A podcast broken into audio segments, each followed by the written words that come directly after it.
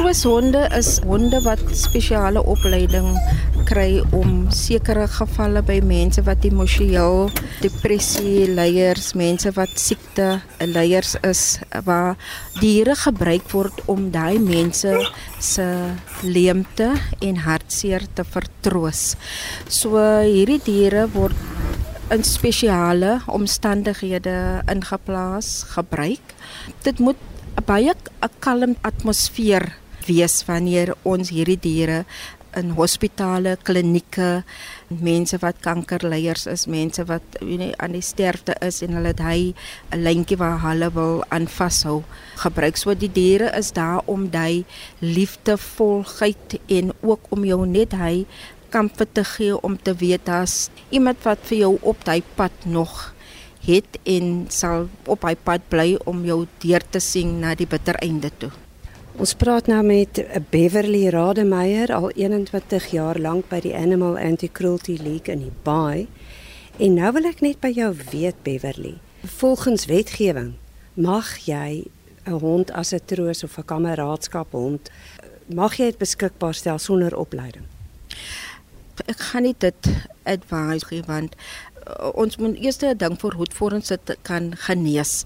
So dit is baie belangrik. Die opleiding gaan vir jou toon watter soort geaardheid het hy dier? Want net soos mens ons almal verskil met ons geaardheid dit is dieselfde met diere ook. So jy kan nie 'n hond wat besig is nie met iemand gee wat kalm is nie. Of jy kan nie 'n kalm hond vir iemand gee wat besig is nie. Die screening proses gaan ek sê is baie belangrik en die opleiding wat daar gepaard gaan is ook net so baie belangrik 'n baie sekuriteitsmaatskappye gebruik honde en wat bepaal die wet daar? Ja, nee, dit is nou 'n ander seerpunt, maar 'n hond en sy die sekuriteitsman wat sy hond onder hom beheer moet hou. Dit is baie belangrik om te weet die geaardheid van die hond. Want daai twee werk as een. Hy word amper soos 'n wapen. So as jy nie weet hoe om jou wapen te gebruik nie, dan word dit 'n gevaarlike wapen.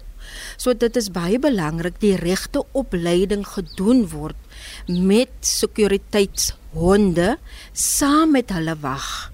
Want ons kry baie probleme wanneer die hond op sy dog handler draai.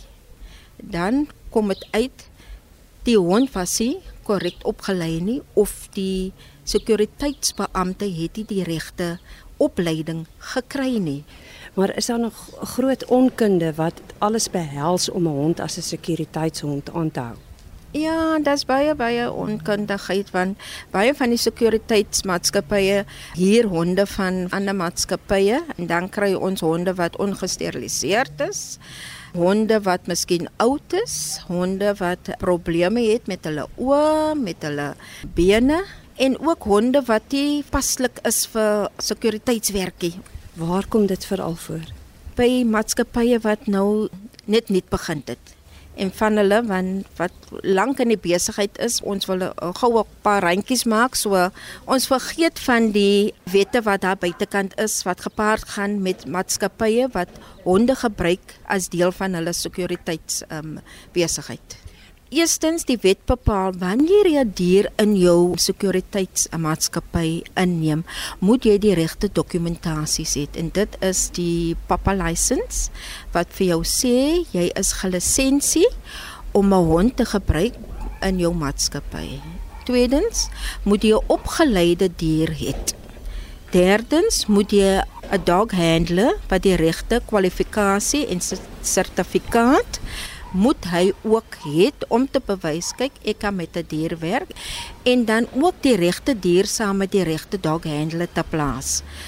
Die ander ding is hulle moet geregistreer word deur SERE, die liggaam wat die industrie um, regulate. Jy het nou nou gesê daar is uh, mense wat met sekuriteitsmaatskappye begin, dan huur hulle honde. Weet julle waar is die mense wat honde uithuur en word daar inspeksie gedoen?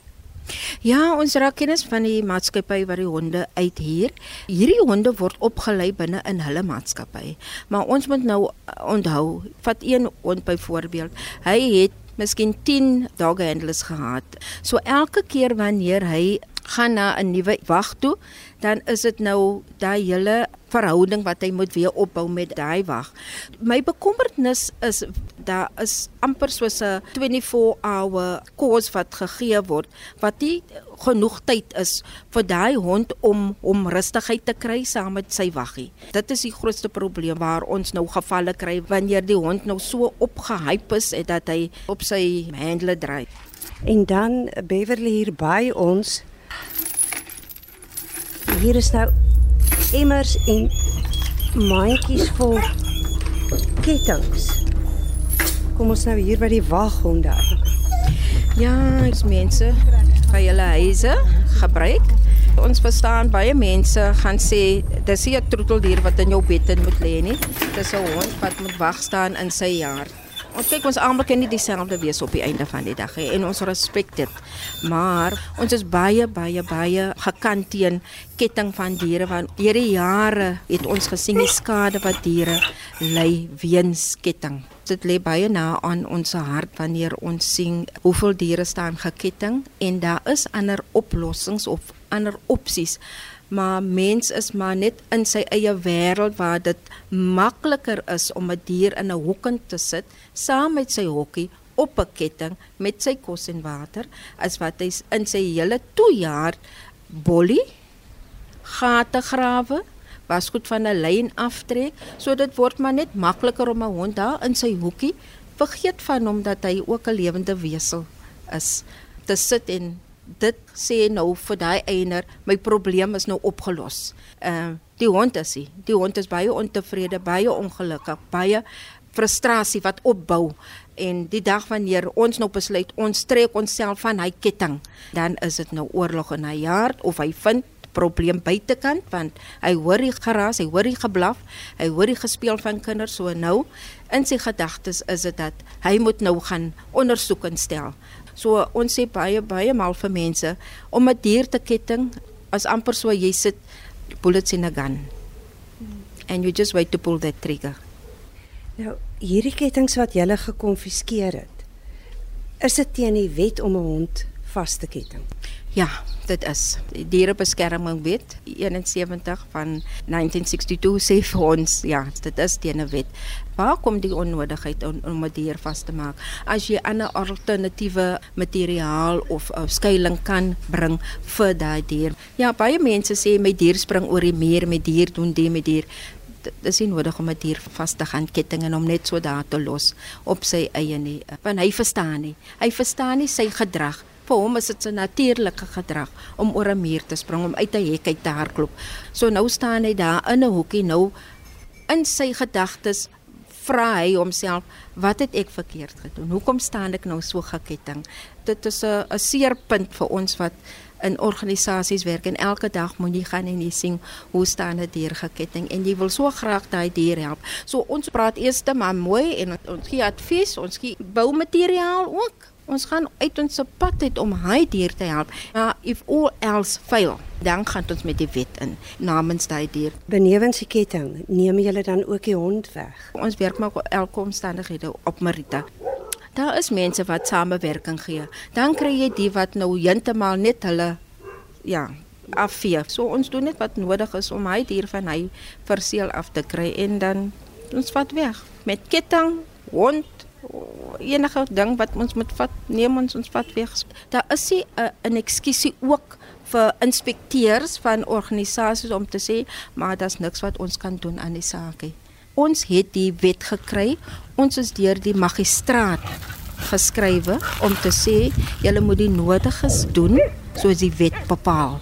So daar is geen ekskuusie vir enige inspekteur om te sê maar ons mag nie dit doen, ons mag nie daai doen. Uh -uh, dit werk nie so nie.